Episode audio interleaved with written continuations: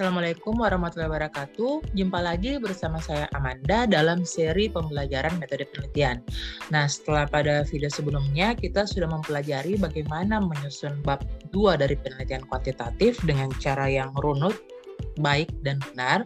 Selanjutnya pada kesempatan kali ini saya akan coba untuk uh, membahas tentang bagaimana menyusun bab 3 penelitian kuantitatif. Nah, bab 3 ini eh, biasanya itu judulnya adalah metodologi penelitian atau metode penelitian. Nah, berbeda-beda tergantung dari eh, kebijakan kalian masing-masing ya. Bagaimana aturan penulisan eh, tugas akhirnya. Nah, apa perbedaannya metode dan metodologi? Ya, jadi dari katanya sudah sudah jelas terlihat berbeda. Metode itu adalah cara-cara yang akan kita lakukan. Jadi kalau metode penelitian adalah cara-cara kita dalam melakukan penelitian. Sementara metodologi adalah ilmu tentang cara. Jadi ilmu tentang metode itu sendiri. Nah, pada bab 3 ini umumnya ada 10 hal yang harus kita masukkan. Ya, yang pertama itu adalah jenis penelitian, yang kedua lokasi dan penelitian, yang ketiga populasi dan sampel penelitian, yang keempat, variabel dan desain penelitian. Yang kelima, definisi operasional variabel. Terus ada teknik pengumpulan data, instrumen penelitian, pengembangan instrumennya, teknik analisis data, dan yang terakhir adalah hipotesis statistik. Jadi ada uh, kamp ada pandu uh, kampus yang menyaratkan ini dia satu persatu dibahasnya ya. Tapi ada juga uh, yang aturan aturan penulisannya itu dia menggabungkan misalnya untuk uh, untuk teknik pengumpul uh, untuk instrumen penelitian dan pengembangan instrumen penelitian ada yang digabung ya. Terus ada juga yang menaruhkan desain penelitian itu sebagai bagian dari jenis penelitian. Itu tergantung dengan kebijakan di kampus masing-masing. Nah, di sini kita akan bahas satu persatu langsung dengan contohnya ya. Kita mulai dari yang pertama itu jenis penelitian. Nah, jadi di, di bagian ini yang kita harus sebutkan itu adalah kita eh, memberitahukan jenis penelitian apa yang kita gunakan. Apakah dia penelitian kuantitatif atau penelitian kualitatif. Setelah itu, kita sebut secara spesifik jenis penelitian kuantitatif apa yang digunakan ya. Kalau penelitian kita penelitian kuantitatif, misalnya kita menggunakan uh, metode eksperimen, metode survei, Xbox foto atau uh, apa saja. Sementara kalau penelitian kualitatif juga disebutkan penelitian kualitatif seperti apa? Apakah penelitian eksploratif, penelitian deskriptif atau yang lainnya. Nah, selain jenis penelitian kuantitatif dan kualitatif, kalian bisa juga menggunakan yang namanya mixed method ya atau gabungan dari metode kuantitatif dan metode kualitatif. Nah, pada saat menyebut jenis penelitian ini, kalian juga harus menampilkan argumentasi kenapa menggunakan jenis penelitian tersebut serta sumbernya. Ya, jadi sebutkan sumbernya itu apa.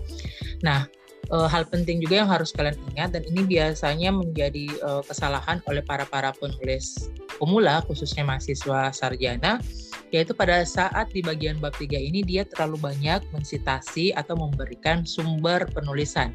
Jadi berbeda dengan bab 2 atau bab kajian pustaka yang mana di sini memang tempatnya kalian menyertakan berbagai sumber atau berbagai teori yang kalian uh, gunakan untuk melakukan penelitian kalian ini. Tapi pada saat uh, menjabarkan di bab 3 memang terkadang kita butuh teori atau butuh dasar untuk menyebutkan sesuatu di bab 3 tapi jangan menyebutkan banyak ya. Kalau misalnya seperti ini. Di jenis penelitian nanti kan kalian uh, kalau di, kalau bisa itu harus disertai dengan sumber di mana rujukan kalian mengambil model yang uh, metode yang kalian gunakan ya. Di sini cukup sebut satu saja ya. Paling banyak dua lah kalau misalnya memang butuh dua tapi jangan dijabarkan banyak seperti pada kajian pustaka. Begitu juga nanti pada saat misalnya pemilihan instrumen penelitian, teknik analisis data, kalau misalnya kalian butuh untuk menyebutkan sumber, silakan sertakan sumbernya supaya uh, apalagi uh, pembimbing dan penguji serta pendengar itu mereka yakin kalau misalnya jenis penelitian atau desain yang kamu gunakan ini dia itu benar adanya bukan kamu karang-karang ya begitu juga dengan misalnya teknik analisis data yang kamu gunakan itu semuanya harus menyertai menyertakan sumber supaya kamu e, bisa meyakinkan kalau rumus yang kamu masukkan atau misalnya uji statistik yang kamu pilih itu bukan hasil karangan kamu sendiri tapi sumbernya jelas. Nah, di ini adalah contoh uh, bagian jenis penelitian. Jadi di sini di jenis penelitian dia tidak menyebutkan kuantitatif atau kualitatif tapi langsung menyebutkan di penelitian eksperimen di jenis yang spesifiknya ya. Jadi kalian bisa sebutkan di awal kalau penelitian ini adalah penelitian kuantitatif dengan metode penelitian eksperimen semu atau kuasi eksperimental. Nah, di sini dijelaskan kenapa sih dalam penelitiannya ini dia harus menggunakan penelitian eksperimen semu ini, makanya dijabarkan di sini. Dia menggunakan penelitian eksperimen semu karena tidak memungkinkan untuk menggunakan true eksperimental. Yang mana kalau true eksperimental itu uh, peneliti harus memegang kontrol penuh terhadap uh, subjek eksperimennya. Artinya hampir semua faktor yang dikeliling yang mengelilingi subjek penelitian itu bisa dikontrol oleh peneliti. Karena tidak memungkinkan makanya dia pakai kuasi eksperimental. Dan di sini juga dia jabarkan uh, nanti seperti apa perlakuan yang akan dia berikan kepada eh, kelompok-kelompok eksperimennya itu. Yang mana di sini dia bagi menjadi kelompok eksperimen dan kelompok kontrol. Nah, setelah itu di bawahnya dia sudah menyebutkan kalau metode penelitian eksperimen yang digunakan ini nantinya akan menggunakan desain pretest, post-test, control group design. Nah, di sini adalah sumber atau citasi yang digunakan berdasarkan bukunya Sugiono. Ya. Jadi, sekali lagi untuk menjelaskan jenis penelitian serta desain yang kalian gunakan ini, pastikan memberikan rujukan atau sumber yang benar, ya, yang valid sumbernya. Biasanya sumber-sumber ini harus dari buku. Ya, dalam keadaan sangat terpaksa kalian bisa menggunakan sumber dari jurnal. Ya, itu kalau misalnya sama sekali kalian tidak bisa mendapatkan buku rujukan. Selanjutnya, yang kedua itu adalah lokasi dan waktu penelitian ya. Jadi lokasi untuk lokasi kalian sebutkan di mana kalian akan melakukan penelitian secara spesifik. Terus untuk waktu penelitiannya juga kalian sebutkan ya. Misalnya ini karena penelitian pendidikan dan dia akan melakukan proses uh, mengajar, makanya dia sebutkan di sini kalau waktu penelitiannya itu adalah pada semester genap tahun pelajaran 2013-2014. Kalau misalnya kalian yang bukan meneliti pendidikan dan misalnya juga bukan mengajar, kalian bisa sebutkan kalau uh, waktu penelitiannya itu uh, dari bulan misalnya Februari sampai Agustus tahun 2022. Ya, sebutkan secara spesifik waktu yang kalian gunakan untuk penelitian. Jika sudah uh, hasil uh, uh, apalagi namanya seminar akhir atau biasanya seminar skripsi itu bias uh, faktor waktu pelaksanaan penelitian ini dijabarkan dalam bentuk tabel seperti ini ya Sementara kalau dalam proposal bisa juga kalian jabarkan dalam bentuk tabel perencanaan. Kira-kira kapan kalian mau uh, apalagi namanya perencanaan proposalnya, kapan waktu seminar proposalnya, terus kapan waktu membuat persiapan penelitian, kapan meneliti, itu bisa kalian jabarkan di tabel perencanaan penelitian. Tapi itu opsional, tergantung kebijakan dari kampus masing-masing. Yang berikutnya yang kita masukkan adalah populasi dan sampel penelitian. Nah, jadi dalam penelitian itu kita perlu menjelaskan populasi dan sampel yang bisa kita gunakan sebagai sumber data. Nah, kalau misalnya nantinya ini hasil penelitian akan digeneralis digeneralisasikan atau ditarik kesimpulan secara umum, maka sampel yang kalian pilih nantinya e, harus representatif atau harus dapat mewakili dari populasi. Ya, bagaimana caranya? Caranya itu salah satunya adalah dengan melakukan penarikan sampel secara random. Nah, jadi di bagian ini pertama kalian sebutkan dulu populasi penelitiannya apa, terus yang berikutnya sebutkan teknik pengambilan sampelnya. Ya. Jadi populasi penelitiannya kalian bisa tuliskan seperti ini. Subjek populasi dalam penelitian ini adalah apa saja atau adalah siapa saja Terus baru kalian sebutkan teknik pengambilan sampel disertai alasan dan rujukan. Oke. Nah, jadi kalau sudah jelaskan populasi, selanjutnya sampelnya dijelaskan seperti ini. Jadi metode penelitian sampel yang digunakan di sini adalah purposive sampling dan random sampling. Untuk pen, apa, penjelasan terkait teknik ini, kalian bisa cek video saya tentang uh, teknik pengambilan sampel. Nah, kenapa dia menggunakan purposive sampling karena purposive sampling ini dia akan mengambil sampel dengan pertumbangan tertentu. Lihat di sini diberikan lagi rujukan. Terus dia jabarkan bagaimana caranya nantinya dia mengambil sampel dari bagian purposive samplingnya sampai nanti pada random sampling untuk memilih yang mana jadi kelas eksperimen, yang mana menjadi kelas kontrol. Bagian yang keempat adalah variabel dan desain penelitian. Di sini kita harus jabarkan jenis-jenis variabel yang kita punya. Dia setelah, setelah selanjutnya kita uh, jabarkan desain penelitian yang mau kita gunakan. Nah, untuk jenis-jenis variabel ini tentunya kalian akan jabarkan masing-masing jadi uh, di bagian ini misalnya kita punya var, uh, variabel terik variabel terikatnya itu adalah apa, variabel bebasnya ada apa, kalau misalnya punya variabel moderator dia itu apa saja, kalau punya variabel intervening itu apa saja ya. Jadi dijabarkan di bagian ini. Untuk desain penelitian sendiri ini opsional ya. Kalau misalnya di bagian satu tadi jenis penelitian sudah dijabarkan desainnya di sini tidak perlu ada. Jadi bagiannya cuma variabel penelitian saja di bagian empat ini. Jadi kalian cukup menjabarkan variabel jenis-jenis variabel yang kalian gunakan saja. Selanjutnya bagian yang kelima adalah definisi operasional variabel. Jadi sini kita harus jabarkan definisi operasional yang seperti apa. Itu merupakan definisi yang berdasarkan pada karakteristik mengenai hal yang dapat kita observasi. Sehingga nantinya dapat menunjukkan apa yang harus dilakukan oleh peneliti dalam menguji hipotesis atau menjawab pertanyaan. Nah, jadi uh, ciri khasnya dari definisi operasional ini adalah dengan adanya definisi operasional kita dapat menentukan, menilai atau mengukur suatu variabel yang akan digunakan untuk penelitian. Jadi dia kuncinya dengan adanya definisi operasional kita tahu apa yang mau kita ukur. Nah, kita lihat contohnya di sini. Di sini saya berikan contoh definisi operasional untuk variabel kemampuan berpikir kritis matematika siswa. Ya, jadi di sini dijelaskan apa saja indikator eh, apalagi eh, apa saja indikator untuk menilai kemampuan berpikir berpikir kritis ini ya.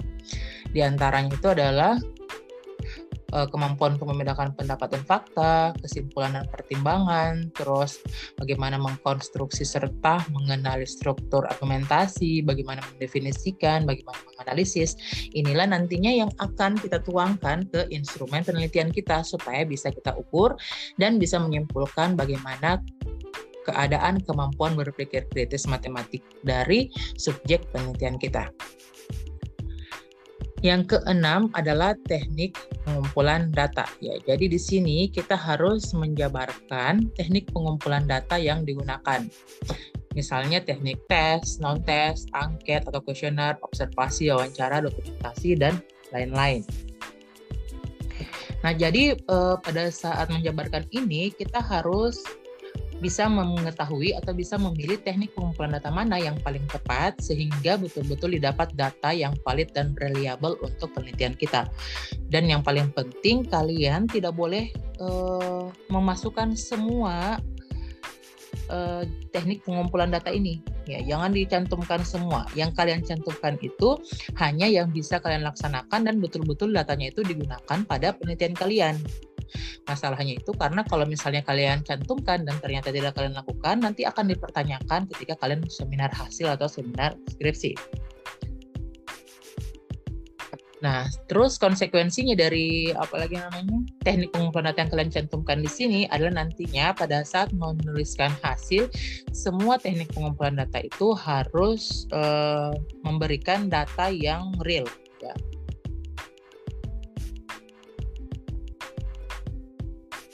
Nah, Kak bagi terus pertanyaannya bagaimana apakah cukup saya misalnya hanya menggunakan teknik tes saja atau teknik non tes saja? Nah, itu nanti tergantung dari apa data yang mau kalian peroleh dari sumber penelitian kalian. Ya, jadi misalnya untuk pada penelitian ini, penelitian yang saya bahas di video sebelumnya itu dia mau mengukur kemampuan berpikir kritis matematika, terus mau mengukur sel efikasinya. Ya, jadi dia punya teknik dua dia menggunakan dua teknik ya. Yang pertama teknik tes yang kedua teknik non tes nah teknik non tes ini di antaranya itu adalah menggunakan angket dan question, angket atau kuesioner jadi untuk kemampuan berpikir kritis dia menggunakan tes sementara untuk self efikasi dia menggunakan angket. Setelah itu dia melakukan uh, penyusunan instrumen dan selanjutnya. Untuk langkah-langkah yang di bawah ini opsional ya. Ini tergantung dari permintaan pembimbing atau arahan pembimbingnya kalian. Kalau misalnya dia minta dijabarkan langkah selanjutnya, silakan dijabarkan dan jika tidak cukup biasanya sampai saja di mana ya? Untuk sampai di sini saja. Biasanya penyebutannya hanya sampai di sini. Nanti penjabarannya itu dia masuk ke bagian berikutnya ya.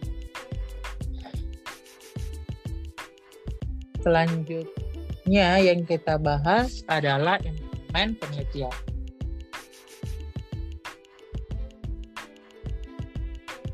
Nah, pada bagian ini kita akan menjabarkan instrumen penelitian yang kita gunakan berdasarkan pada jumlah variabel dan teknik pengumpulan data yang sudah kita sebutkan di bagian sebelumnya. Di sini kalau misalnya kita uh, menggunakan dua variabel berarti instrumen yang kita punya itu adalah dua.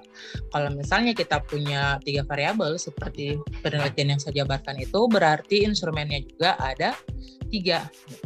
Di sini kita menyesuaikan dengan teknik pengumpulan yang sudah kita rencanakan.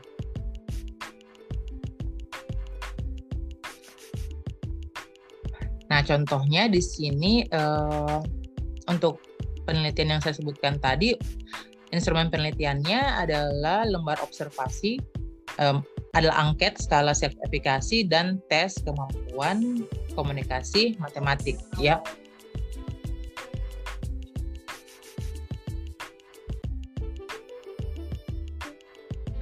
setelah kita sudah tahu instrumen apa saja yang mau kita gunakan di penelitian kita, kita lakukan yang namanya pengembangan instrumen. Nah, bagian pengembangan instrumen ini biasanya eh, pada aturan-aturan kampus tertentu itu dia digabung dengan instrumen penelitian tadi. Jadi tidak dipisahkan secara khusus. Jadi silakan menyesuaikan ya. Nah, di sini pada pengembangan instrumen kita akan menjabarkan beberapa hal. Ya. Yang pertama itu adalah kisi-kisi instrumen kalau misalnya kita menggunakan tadi teknik tes dan teknik non tes seperti angket atau kuesioner. Nah, modelnya kisi-kisi instrumen itu kurang, uh, salah satu contohnya seperti ini ya. Jadi ini kisi-kisi instrumen untuk mengukur minat siswa. Di sini lihat ada penjabaran indikator,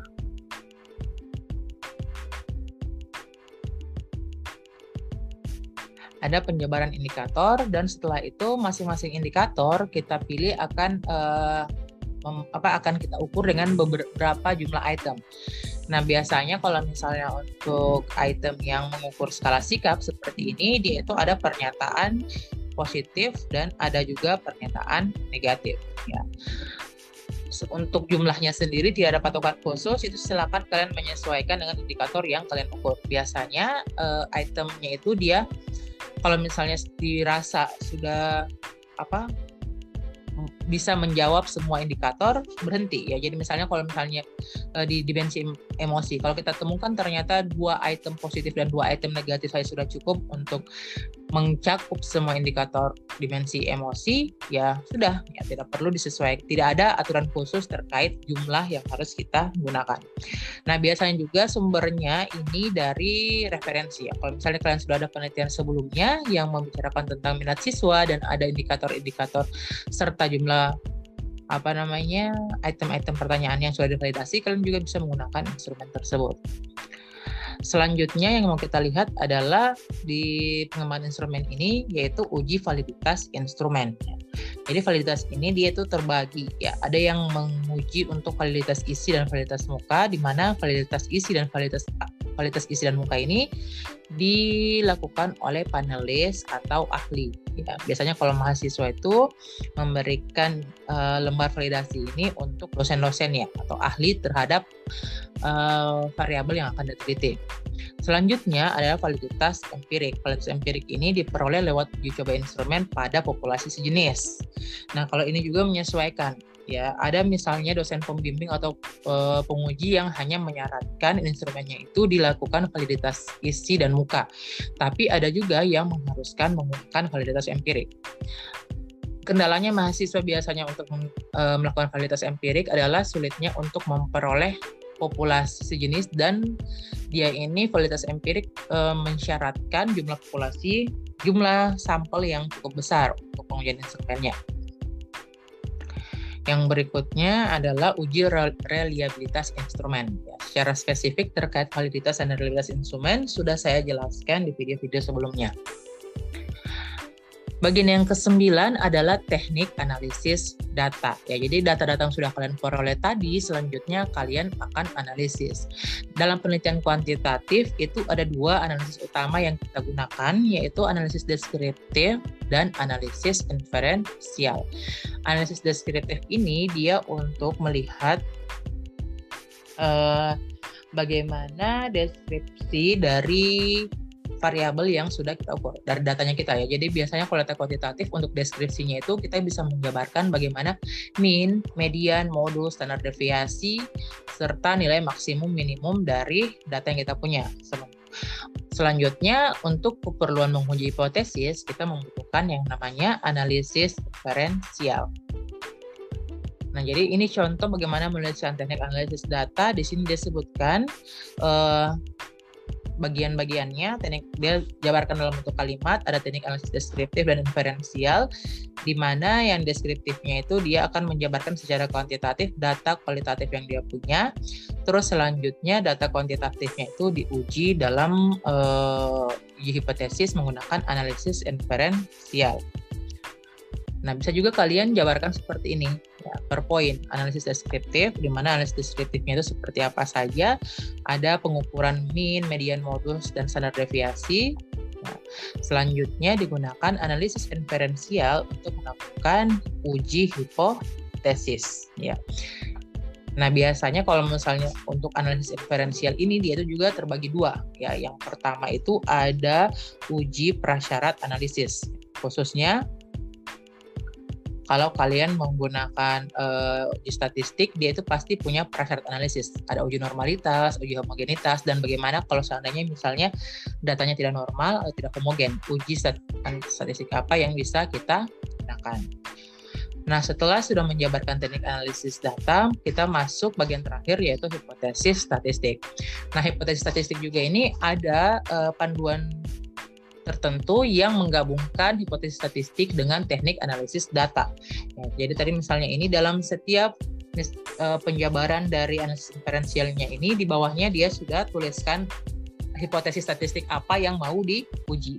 Tapi ada juga tapi ada juga panduan yang uh, mengharuskan hipotesis statistik itu dimunculkan secara terpisah supaya lebih jelas. Nah, dari mana kita memperoleh hipotesis statistik? Ini sudah saya jelaskan juga pada video saya tentang uh, merumuskan hipotesis statistik. Intinya dia itu ber, beracuan atau berpatokan pada uh, hipotesis yang sudah kalian hipotesis penelitian yang sudah kalian ajukan di akhir bab 2 ya. Jadi misalnya ini uh, penelitian yang saya masukkan ini dia punya beberapa hipotesis penelitian, tapi di sini saya cuma ngambil dua ya. Misalnya untuk ini, hipotesis penelitiannya terdapat pengaruh model pembelajaran berbasis masalah kontekstual dan model pembelajaran langsung terhadap peningkatan kemampuan berpikir kritis. Untuk uh, hipotesis statistiknya, dia itu ada dua, ada punya H0 dan ada H1 atau hipotesis alternatif. H0 tadi itu atau e, nama lainnya hipotesis nol atau hipotesis awal. Nah, di sini untuk hipotesis e, H0-nya itu adalah netanya ini tau 1 sama dengan tau 2 sama dengan 0. Artinya tidak terdapat pengaruh model pembelajaran berbasis masalah kontekstual dan model pembelajaran langsung terhadap peningkatan kemampuan berpikir kritis matematik. Selanjutnya hipotesis alternatif atau hipotesis satunya minimal ada satu yang tidak sama dengan nol ya. Atau dengan kata lain terdapat pengaruh model pembelajaran berbasis masalah kontekstual dan model pembelajaran langsung terhadap peningkatan kemampuan berpikir kritis. Nah, ini ini contoh hipotesis kalau misalnya kita mengajukan hipotesis penelitian berupa pengaruh. Yang kedua ini contohnya untuk hipotesis penelitian yang men, apa hipotesis komparatif yang atau kita melihat perbedaan atau perbandingan. Hipotesis statistiknya dia menjadi seperti ini ya. Kita membandingkan antara mu1 dan mu2 atau rata-ratanya di mana hipotesis awalnya atau hipotesis nolnya itu menyatakan kalau rata-ratanya itu sama atau tidak terdapat perbedaan rata-rata. Untuk hipotesis alternatifnya, kita sampaikan mu 1 lebih besar dari mu 2. Rata-rata peningkatan sertifikasi matematik siswa itu dia lebih tinggi. Ya. Nah sekarang e, pertanyaannya Bu, apakah harus dia mu 1 lebih besar dari mu 2? Enggak ya, itu tergantung dari kajian teori yang sudah kalian dapatkan sebelumnya. Jadi pernyataan ini. Misalnya kalian punya kajian teori dan penelitian yang relevan yang telah menunjukkan kalau misalnya uh, apa namanya siswa yang diberi pembelajaran berbasis masalah kontekstual ini atau berbasis masalah itu akan lebih tinggi self efikasinya. Ya, berarti kita gunakan mu satu lebih besar dari mu dua itu yang akan kita uji di sampel kita. Tapi kalau misalnya kita dapatkan teori ternyata lebih rendah atau penelitian yang sebelum-sebelumnya menyatakan dia lebih rendah, kita bisa gunakan mu satu kurang dari mu dua. Oke? Okay? Nah, itu untuk lebih jelasnya kalian bisa saksikan video saya tentang hipotesis statistik. statistik. Nah, demikianlah tadi bag, uh, penjabaran tentang bagaimana kita menyusun bab 3 untuk penelitian kuantitatif. Semoga video ini bermanfaat dan mudah dimengerti. Terima kasih atas perhatiannya. Assalamualaikum warahmatullahi wabarakatuh.